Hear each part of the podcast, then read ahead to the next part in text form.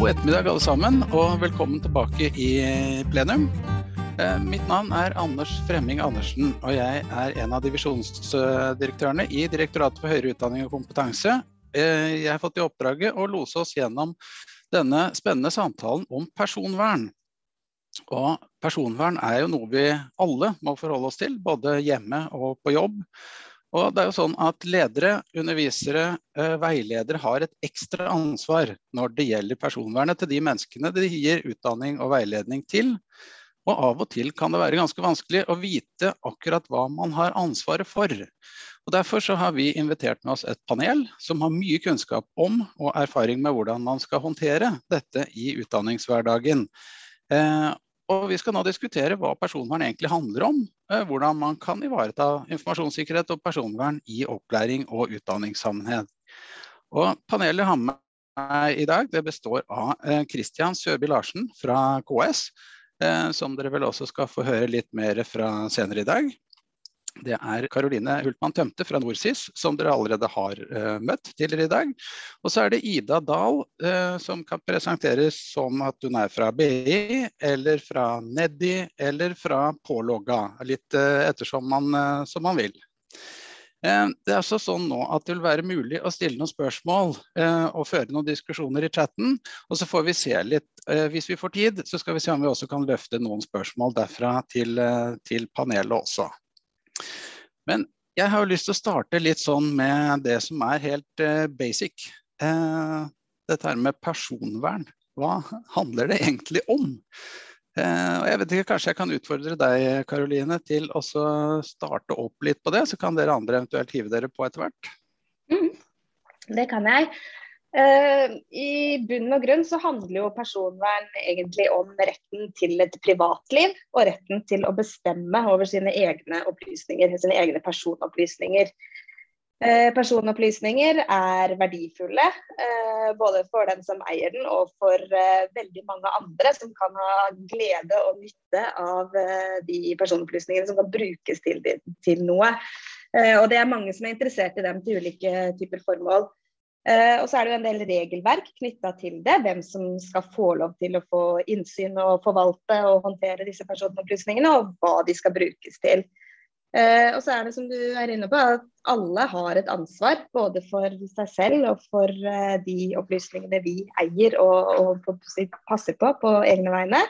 Men spesielt for ja, som undervisere og veiledere og rådgivere, skoleeiere, institusjoner, så har man et veldig stort ansvar for å sørge for at opplysningene om de eh, man da har ansvar for, er ivaretatt på en god måte. Og så er det jo informasjonssikkerhet da, som handler om bl.a. å ivareta disse verdiene. Da. Ja, men Så fint. Um, er det noen av dere andre som uh, ønsker å hive dere på den? Ja, det, det, er jo eh, bare å sette to streker under det som Karoline her sier, for det er jo helt riktig. Men i tillegg så er det også sånn at uh, det er jo uh, Personvern er jo en menneskerett. Det er så høyt opp det er forankra. Så dette er ikke noe man bare kan skalte og med som man vil. og Det er viktig å ha det veldig langt fremme i pannebrasken. Og det er viktig å få det høyere opp på dagsordenen som et ualminnelig viktig tema å ivareta. Og for min del, som jobber stort sett med eh, grunnopplæring, så er det viktig også å eh, ha in mente at det handler om en særskilt gruppe etter personopplysningsloven, nemlig elever, barn og unge som ikke har samtykkekompetanse. Da må man være ekstra forsiktig. Og så er det jo også sånn at uh, Personopplysninger er ikke bare personopplysninger. Noen av dem er attpåtil ekstra sensitive. Mm. Uh, og de skal vi jo være litt uh, mer obs på enn de andre. Er det ikke sånn, Ida? Jo, det stemmer. Og med sensitive opplysninger, så det, det enkleste eksempelet er jo kanskje helseopplysninger. Um, og så vet man også hvor fort det er å eh, komme inn på tema som gjør at man eh, snakker fort om det som kan være helseopplysninger eller andre typer sensitive opplysninger, som politisk oppfatning er definert som en, en sensitiv opplysninger. Seksuell legning, eh, etnisk opprinnelse. Dette er fort en del av dagligtalen også uh, når man blir kjent med folk. Så det er klart at uh, i kanskje spesielt digitale sfærer, hvor man diskuterer med studenter, jobber sammen med dem, så er det utrolig enkelt å komme inn på det som kan klassifiseres som sensitive opplysninger. Og da er det mer dette at da må vi være ekstra forsiktige um, på både hvorvidt vi inviterer til uh, den type dialog som inkluderer det, men også hvordan man eventuelt håndterer det. Både i, i prosessen i forkant av diskusjonen og, og eventuelt i, i etterkant. Mm. Og så er det jo noen altså, Hvorfor kommer problemstillingene opp? Akkurat nå. Vi driver og samler inn alle disse dataene, men hvorfor i all verden driver vi med det? Altså, Var det ikke litt enklere før? Hva skal vi med alle disse dataene, mon tro? Ja, jeg vil jo, hvis jeg kan få svar på det, så vil jeg, ikke, jeg, vil være veldig forsiktig med å si at allting var så meget bedre under krigen, for å ta den parallellen der. Det var det ikke. Uh, jeg kan jo for min egen del fortelle at uh, jeg var på et uh, jeg eh, var innom et eh, begravelsesbyrå for en tid tilbake. og Der hadde de en papirbasert tilnærming til uh, sin virksomhet. Og Der kom jeg forbi en pult hvor det lå svært sensitive opplysninger åpent tilgjengelig på en pult, på papirform. Så at dette her er bare snakk om, om informasjon som er digitalt, det må vi prøve å komme bort fra. De analoge og de papirbaserte personopplysningene er minst like utfordrende som de digitale på mange måter. Eh, så er det altså det å si at eh, det som Ida var inne på her, knytta til f.eks. Eh, kommunikasjon, og hva man som utdanner og ansvarlig har et ansvar for å gjøre, kan jo være så enkelt som at man får en e-post fra en av studentene sine med til dels svært sensitive opplysninger i, og hvordan man da håndterer dette. Stopper en tråd, kobler av og sier dette her tar vi i et møte, møt meg opp sånn og sånn på en egen e-post. Det er en del av disse tingene her vi må få inn i ryggmargen til alle de som driver med både barn og unge og voksne for den saks skyld eh, i, i, eh, i våre respektive virksomheter. Mm. Ida, du har lyst til å kommentere litt på det? Ja, jeg tenker egentlig spille videre på det. Spørsmålet ditt var altså, hva er grunnen for at man samler inn data. Um, Eh, det, det, veldig enkle svaret er fordi det er en verdi i det. Eh, dine personlige opplysninger har en, en, en økonomisk verdi for en rekke ulike eh, aktører. Altså, Klasseeksempelet er jo eh, Google sin, sin eh, modell hvor de gir bort alle tjenestene, sier de. Fordi det er ikke kroner og øre involvert, men det er data som er valutaen der. Så det er greit å være klar over. Og så er det jo også, som Karoline nevnte innledningsvis, det er en, en, eh, altså det er en rettighet. Du har rett til eh, privatliv. Og, og, derfor så er det liksom greit å, å være klar over at eh, vi må eh, hele tiden ha med oss det ansvaret vi legger på studentene når vi inviterer de inn i de digitale sfærene. Kan vi faktisk gjøre det? Eh, fordi det er, et, det er et maktforhold der da, i at vi som, som eh, forelesere inviterer de inn og så er spørsmålet kan de egentlig takke nei eller ikke, og med det så, så eh, blir det litt skjevfordeling. Så Det er derfor jeg syns det er veldig spennende å, å, diskutere dette her. altså hva skal man samle inn data for? Jo, det kan også være forelesninger og informasjon du trenger for å kunne vurdere. Men hva er det du egentlig trenger, er, er mitt spørsmål da. Ja, nei, Det er et, et, godt spørsmål. Det er viktig å ha med seg også dette at vi tror kanskje vi er en kunde når vi egentlig er en vare. Eh, men Karoline? Eh, ja, jeg tenker at det er jo hele tiden den her eh, balansen da, mellom på en måte bekvemmeligheten og det vi tror vi får, og det vi gir fra oss eller det vi betaler med. Eh, for når vi snakker om opplæring og, og læringssituasjoner også, så er det jo veldig mange fine ting eh, vi kan få ut av eh, å bruke personopplysninger. F.eks. Liksom adaptiv læring eller tilpasset eh, opplæring. Uh, dette med personopplysninger hjelper oss jo til en viss grad å sortere i informasjon og på en måte gjøre liksom, en del jobb enklere for oss. Uh, men så er det jo det at, uh, som Ida er inne på, det, det, er sjelden man får en gratis lunsj. Så hele tiden å ha det her i, i, i bakhodet, en sånn bevissthet om hva, eh, hva, er formålet? da? Hva skal, skal, informasjonen og opplysningene brukes til, og hvordan kan de eventuelt misbrukes? Uh, og så er det jo uh, dette med sånn, hvilken, ja, hvilken, type informasjon som håndteres av hvem og hvordan, og hvor man oppbevarer alle disse opplysningene. Og uh, da kommer man inn på en lang rekke andre utfordringer. Så kan Kristian få lov til å tilføye noe der.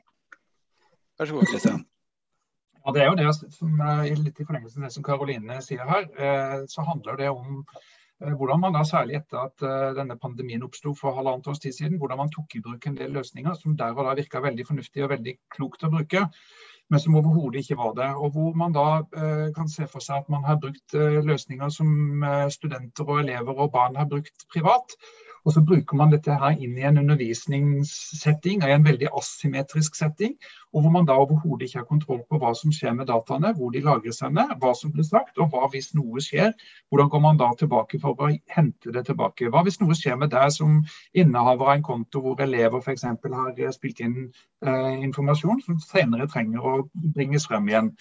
Det er en av de faresituasjonene som det er viktig å ha uh, veldig klart uh, for seg. At man må ta på største alvor at uh, data forvaltes og lagres på en riktig måte og på riktige steder, ikke minst. Og hvem sitt ansvar er det? det? er jo kanskje et av de sentrale spørsmålene her, da. Det var kanskje ikke det du ville kommentere, Ida? Der. Vi, vi, kan ta det som en, en, bro over fra det ene til det andre. Jeg, jeg kom til å tenke på um, en av de trendene som er spesielt store nå i, i, høyere utdanning, er dette med læringsanalyse. Og jeg tenker at Som foreleser så er det kanskje spesielt spennende å se på hva er ansvaret ditt inn i definisjonen av hvilke data man trenger for å gjennomføre slike læringsanalyser, sånn at man er med på den bestillerjobben og innsikten i hvilke data er det jeg trenger for å kunne gjennomføre en god læringsanalyse av studentenes læring, slik at man kan ta med det inn i den ulike prosessen. Så med det så laget en bro over til spørsmålet hvem har ansvaret. Som foreleser så kan du ta et ansvar inn i å være en bestiller på hvordan de ulike verktøyene skal brukes, sånn at man har innsikt i det fra før av, og kanskje også være med på å definere hva man ikke skal bruke det til. At man lager sånne type caser på dette skal vi ikke gjøre her, eh, og, og begrunne det også. Eh, så jeg, jeg, starter med det fra, fra foreleseren, og så, kan jo dere andre tilføre eh, ansvar ytterligere utenfor det. Hvem vil hive seg på der?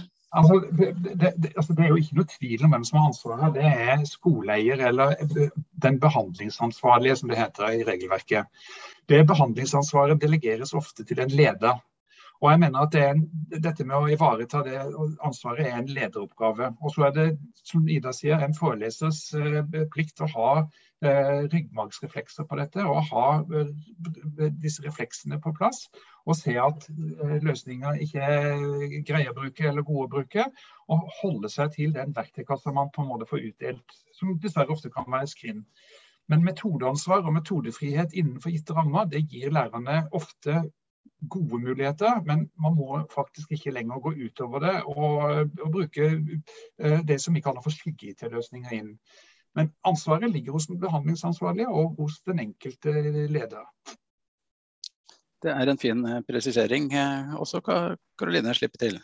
Mm, jeg tenker jeg føyer meg til i rekken der at eh, ansvaret for et sånt overordna system og noen rutiner, og for å legge til rette for at en enkelt underviser eller veileder eller sånn skal kunne forvalte de opplysningene og, og det ansvaret på en god måte, det, det må ligge på et øverste nivå. Eh, så Man må ha et veldig bevisst forhold til, til hvordan man jobber og og hvem som skal gjøre hva. og Da er vi også inne på disse prinsippene for eh, informasjonssikkerhet, som jeg var så vidt inne på i tidsmitten i dag tidlig. Men det handler jo om eh, konfidensialitet, integritet og tilgjengelighet, som er liksom, viktige føringer. Og Det tenker jeg liksom skal gjennomstyres på alle nivåer, fra, fra øverste systematiske eier og ned til den enkelte lærer. Uh, og Det uh, handler jo om at, altså med integritet at, at, man skal kunne stole på at den informasjonen man finner der, er uh, korrekt og, og riktig.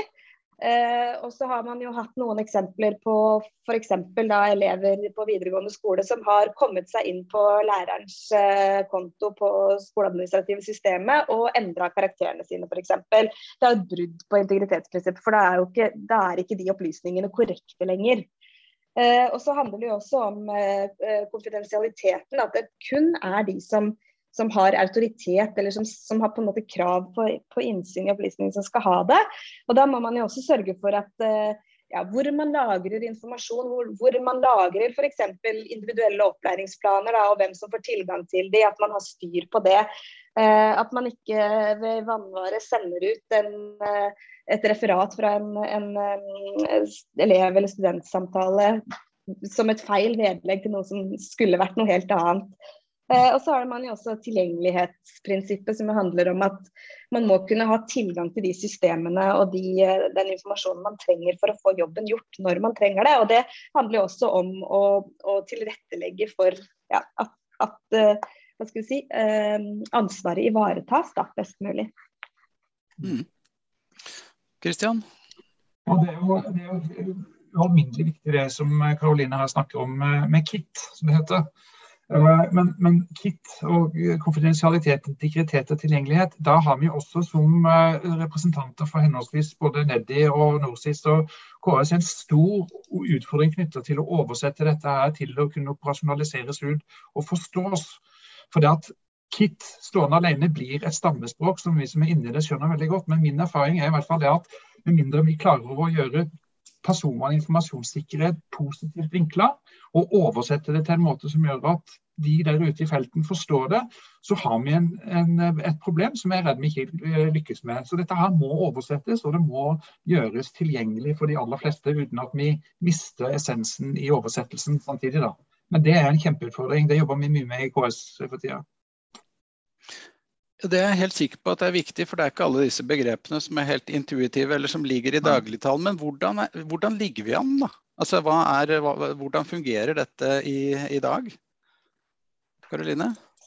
Uh, ja, jeg er helt enig i at uh, noe av målet er å, å, gjøre det enkelt og tilgjengelig og på en måte lavterskel. Det er særs sjelden vi går ut og snakker om disse begrepene egentlig, når vi snakker til de som på en måte skal forvalte dem.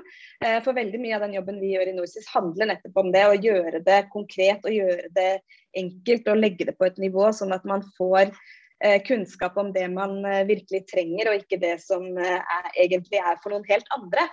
Ehm, så jeg tenker at eh, det er en utfordring som kan hjelpe oss med å komme enda et skritt videre, er å, å klare å legge liksom, terskelen eh, på et eh, si, realistisk og, og, riktig nivå.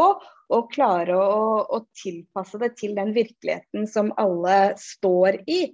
Eh, og da trenger man jo å snakke med de som, som sitter der ute, da, og få, få input på liksom, hvordan man står der, da, om man står i en forelesningssal, står i et klasserom, sitter på et, et kontor. Hvordan er eh, situasjonen, og hva er det, hvilke utfordringer er det man møter på? Det er jo det vi må ta med oss når vi skal lage råd og, og veiledningsressurser, og ikke når man sitter på kontoret for seg selv og tenker at uh, dette her er sikkert kjempelurt. Mm. Uh, så, så, jeg heier litt på det å, ja, å, å ta en sånn okay, finger i jorda.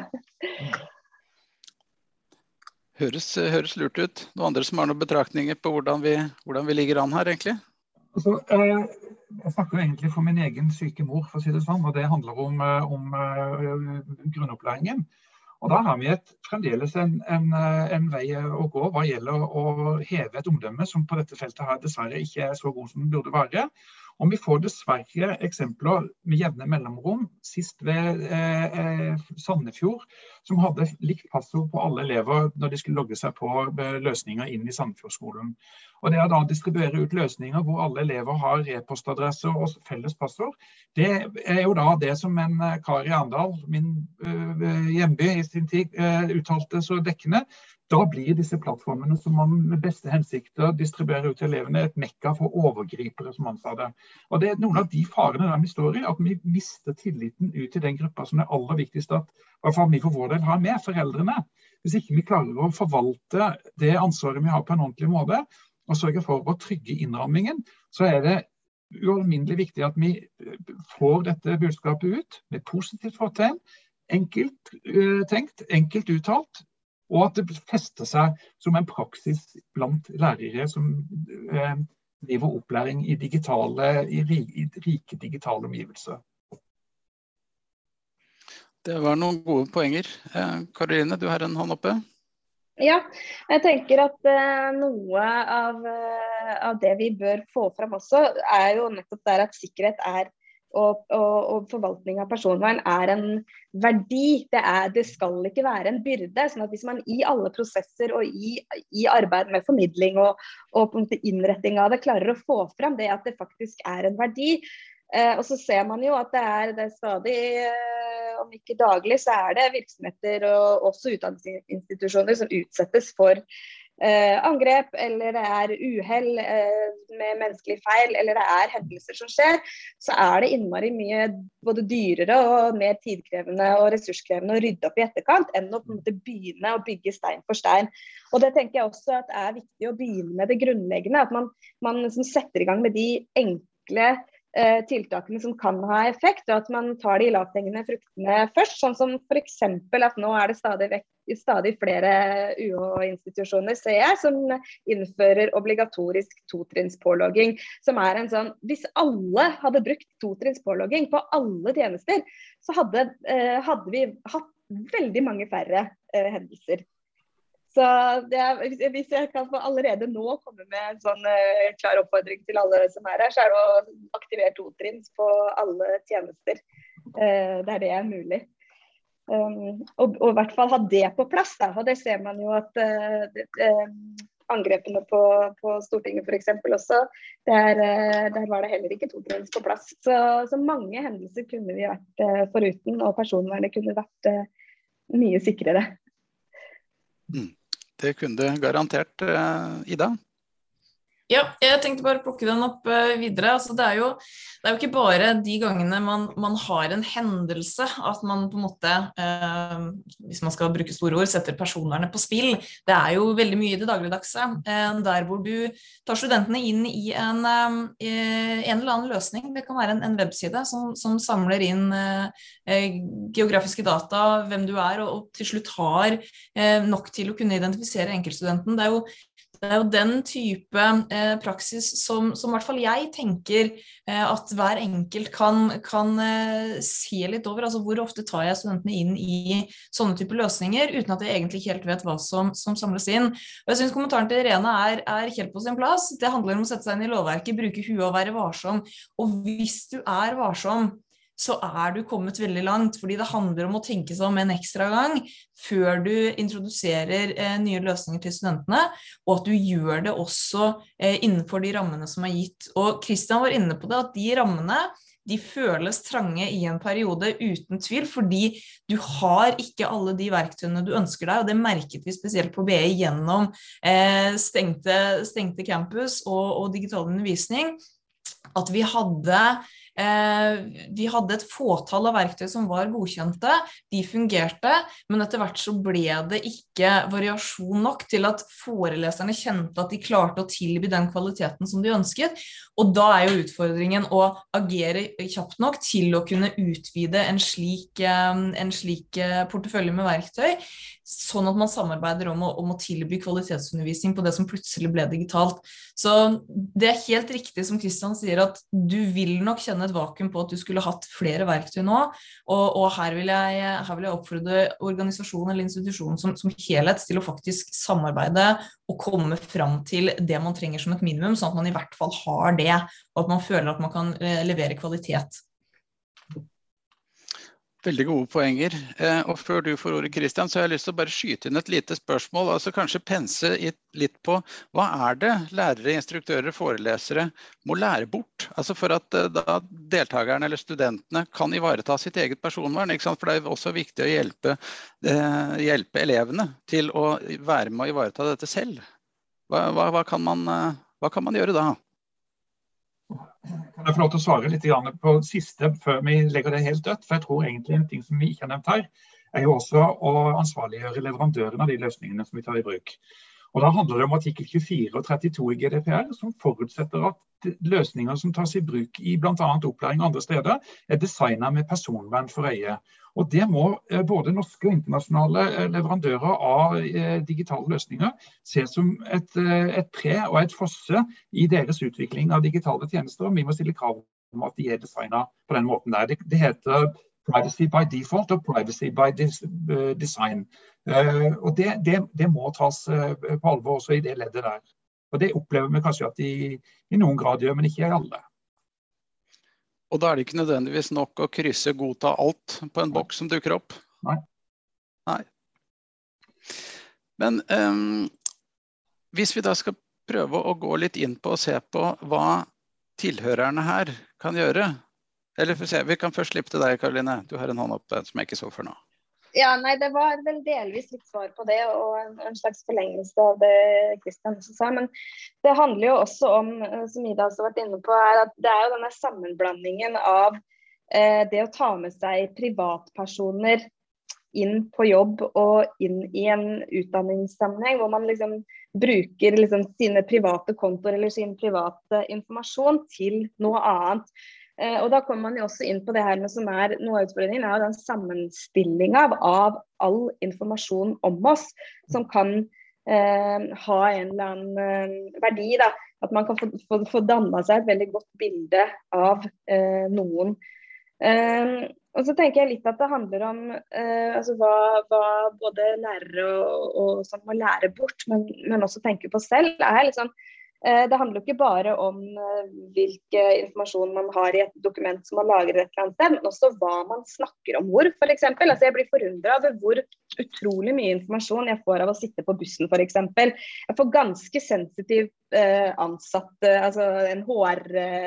Eh, informasjon som sitter og prater om ansatte. Jeg har vært sittet ved siden av en som, som uh, jobba i uh, barnevernet, og som hadde uh, et, et, klientmøte eller sånn på bussen.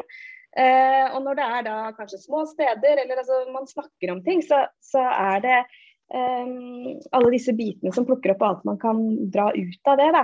Så jeg tenker at uh, dette med personvern, så er det først og fremst å, å begynne å skru på den bevisstheten om hva som er opplysninger som kan være eh, av verdi for noen. Og så kan det godt hende at jeg tenker at ja, ja, men om noen vet dette og dette om Ida, det er vel ikke så farlig. Men for henne er det stor verdi, og det vil kunne få store konsekvenser. Så det er jo det at selv om man ikke selv kanskje nødvendigvis tenker at det er så store greiene, så, så er det andres verdier man, eh, man på en måte gjør noe med, da, eller rutter rundt med. Veldig godt poeng nå skal vi snart eh, faktisk runde av eh, allerede. altså En halvtime går fort når man har et spennende tema. Men jeg bare lurer på dette med eh, de som hører på oss nå. Eh, hva er det de kan gå ut og gjøre annerledes allerede i, i morgen? I dag? Ja, jeg, jeg, tenker litt som så at uh, hvis, hvis, du skulle uh, sett over egen praksis, altså de digitale skal vi kalle det miljøene, altså der hvor du tar med studentene inn, ehm, er det noen av de som, som du har tatt tatt med inn på, på, helt eget initiativ, uten at du vet at dette er noe man har lisenser på eller avtaler med eh, som institusjon? Gjerne se over det og, og gjør en, eh, en refleksjon på det. Det er utrolig nyttig bare å starte med det. Um, og så har jeg også lyst til å oppfordre til å, å, få oversikt over hvordan disse prosessene er på din institusjon. Hvem er det som sitter med mandatet til å avgjøre hva slags verktøy som skal inn og ikke? Uh, og, og også oppfordre til et godt samarbeid med vedkommende, sånn at man kan få gode verktøy inn på en ordentlig og effektiv måte. For det må jo være målet til institusjonene som overordna. Uh, og og har man en rutine som jobber fort nok for deg, vær ærlig på det og være med på å, å definere hva som, er, eh, ja, hva, hva som, er, godt nok, rett og slett.